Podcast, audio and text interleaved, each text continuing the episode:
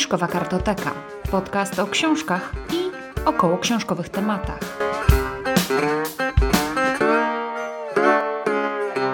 Cześć, ja jestem Monika, a to jest podcast Fiszkowa Kartoteka. Dzisiaj zapraszam Was na podsumowanie lipca i będzie to najpierw podsumowanie przeczytanych książek i obejrzanych filmów później, a także wystaw. Zacznę od książek, więc jeśli chcecie usłyszeć, czy też słyszeć tylko i wyłącznie o książkach, a filmy Was nie interesują, albo odwrotnie, na przykład książki Was nie obchodzą, a wolicie filmy, albo tylko wystawy, to w notatkach do tego odcinka znajdziecie czasówki, czyli w której minucie zaczynam mówić o filmach lub o wystawach. Ale zacznijmy od książek, bo to jest w końcu tak podstawowo podcast książkowy. Więc przeczytałam pięć książek w lipcu i były to Ali Smith Lato, wydawnictwo WAB. W 2021 roku wydana jest to książka właśnie w lipcu, specjalnie na lato. I jak zawsze w tym cyklu tłumaczył Jerzy Kozłowski. Lato jest to ostatnia część cyklu Pory Roku tej autorki, czyli Ali Smith. I w tym cyklu bardzo mocno widać pewien zamysł autorki. Każda z tych książek, e, czterech książek, bo to jest tetralogia, ma charakterystyczną strukturę, łączącą ze sobą fabułę, różnego rodzaju odniesienia do innych tekstów czy dzieł kultury, taka intertekstualność oraz nawiązania do bieżącej sytuacji na świecie albo tylko w Wielkiej Brytanii. No i o ile mi się to podobało w pierwszej części, w drugiej części, czyli w tych pierwszych dwóch, jesień-lato, e, przepraszam, jesień-zima, o tyle już dwie pozostałe części, czyli wiosna, lato, już nie wydawały mi się takie świeże i tak dobre. Zaczynając czytanie tej ostatniej części, miałam wrażenie, że autorka w pewien sposób chciała doprowadzić do spotkania wszystkich bohaterów poprzednich części w tym tomie. I nawet się na to cieszyłam, jednak nie do końca się tak stało, choć po części oczywiście tak było, bo kilka osób z jesieni i zimy pojawia się i tutaj, na przykład albo chociażby jako wzmianka w rozmowie. Poza tym poznajemy dwójkę rodzeństwa w wieku około 10 lat, dość dokuczliwego i przemądrzałego brata, który uwielbia Alberta Einsteina, a także jego trochę starszą, wrażliwą siostrę. Ich rodzice któregoś dnia mają niezapowiedzianych gości, którzy są właśnie znanymi nam osobami e, z części Zima. Jednak ani fabuła tutaj nie jest ani tak spójna, ani nie jest tak świeża. Ta proza Alice Smith nie była dla mnie już tak nowatorska, więc ta książka nie podobała mi się tak jak pierwsze dwie części cyklu. Jednak nadal będę polecać Ali Smith, bo jeśli jeszcze nie znacie tej autorki, to uważam, że bardzo warto poznać jej styl, bo jest wyjątkowy. Jest erudycyjny, ale nie w taki sposób snobistyczny, jakiś nachalny, tylko w nonszalanckim sposób. Ali Smith tak przemyca w tym cyklu nawiązania do innych książek, wierszy czy innych artystów, malarzy na przykład, że ma się ochotę poszukać więcej informacji na ich temat, a książki samemu przeczytać.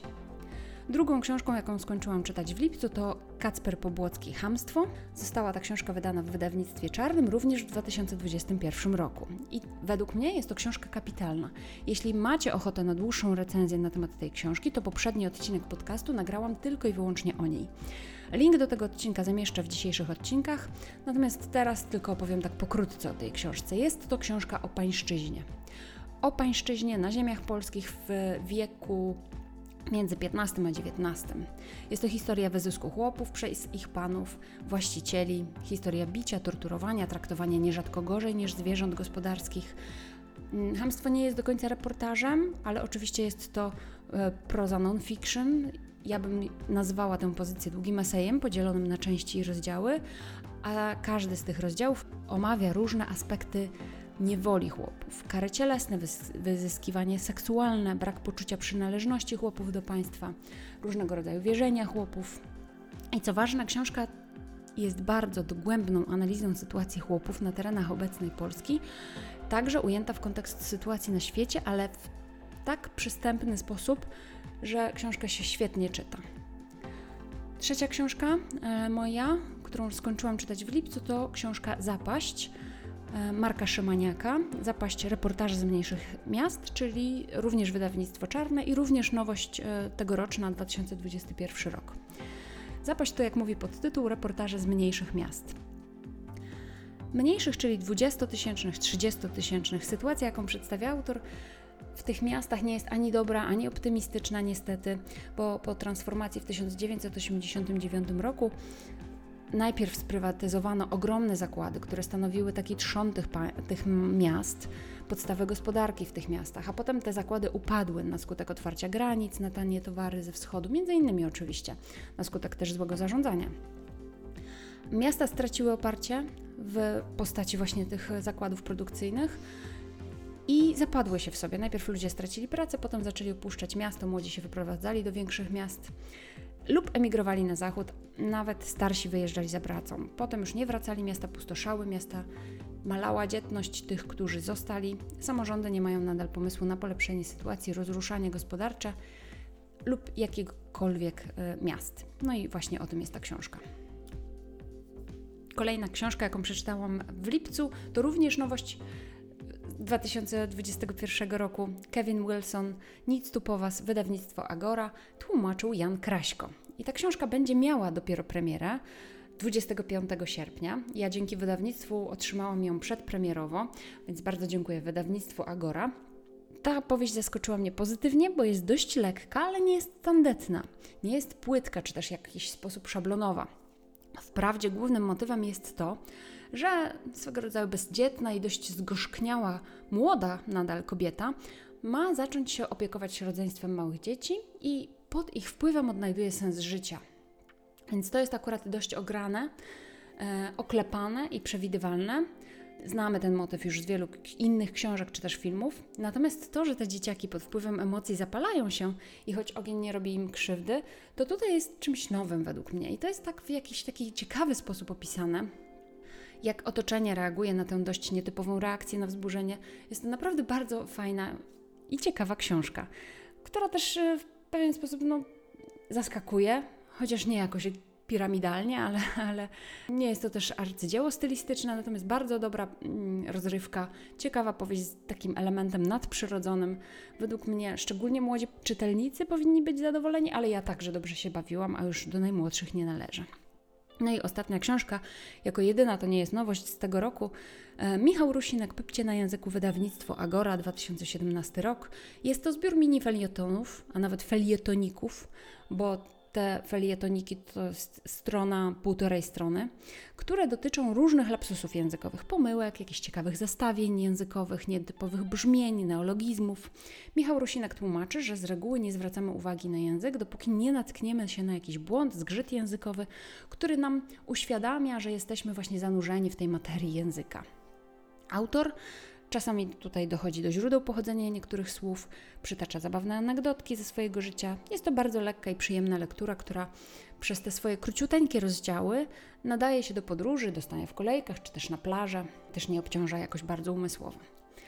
No a teraz zapraszam na to, co obejrzałam w lipcu. Z rzeczy, które obejrzałam, szczególnie chciałabym Wam polecić e, dwa filmy, właściwie nie, jeden film, jeden serial. E, jeden to francuski film Lato 85 w reżyserii François Ozona. Myśmy obejrzeli ten film w kinie studyjnym w Łodzi, prawdopodobnie właśnie w takich kinach najlepiej go szukać. Jest to film, który się dzieje właśnie w wakacje 85 roku, 1985 roku w małym turystycznym miasteczku na francuskim wybrzeżu. I historia opowiada o znajomości dwóch młodych chłopaków, chyba około 18-letnich, tak mi się wydaje. I już na samym początku dowiadujemy się, że jeden z nich w te wakacje zginął. Dowiemy się, jak to się stało. Natomiast to nie jest jakiś kryminał, jest to raczej historia miłości, e, nastoletnich uczuć, uniesień, pięknych widoków. Bardzo, bardzo przyjemny film, bardzo polecam. Druga rzecz, jaką obejrzałam, to serial Przybysze i chciałabym Wam polecić, bo tego, co obejrzałam mi jakoś szczególnie mi się nie podobało, no to tutaj nie omawiam.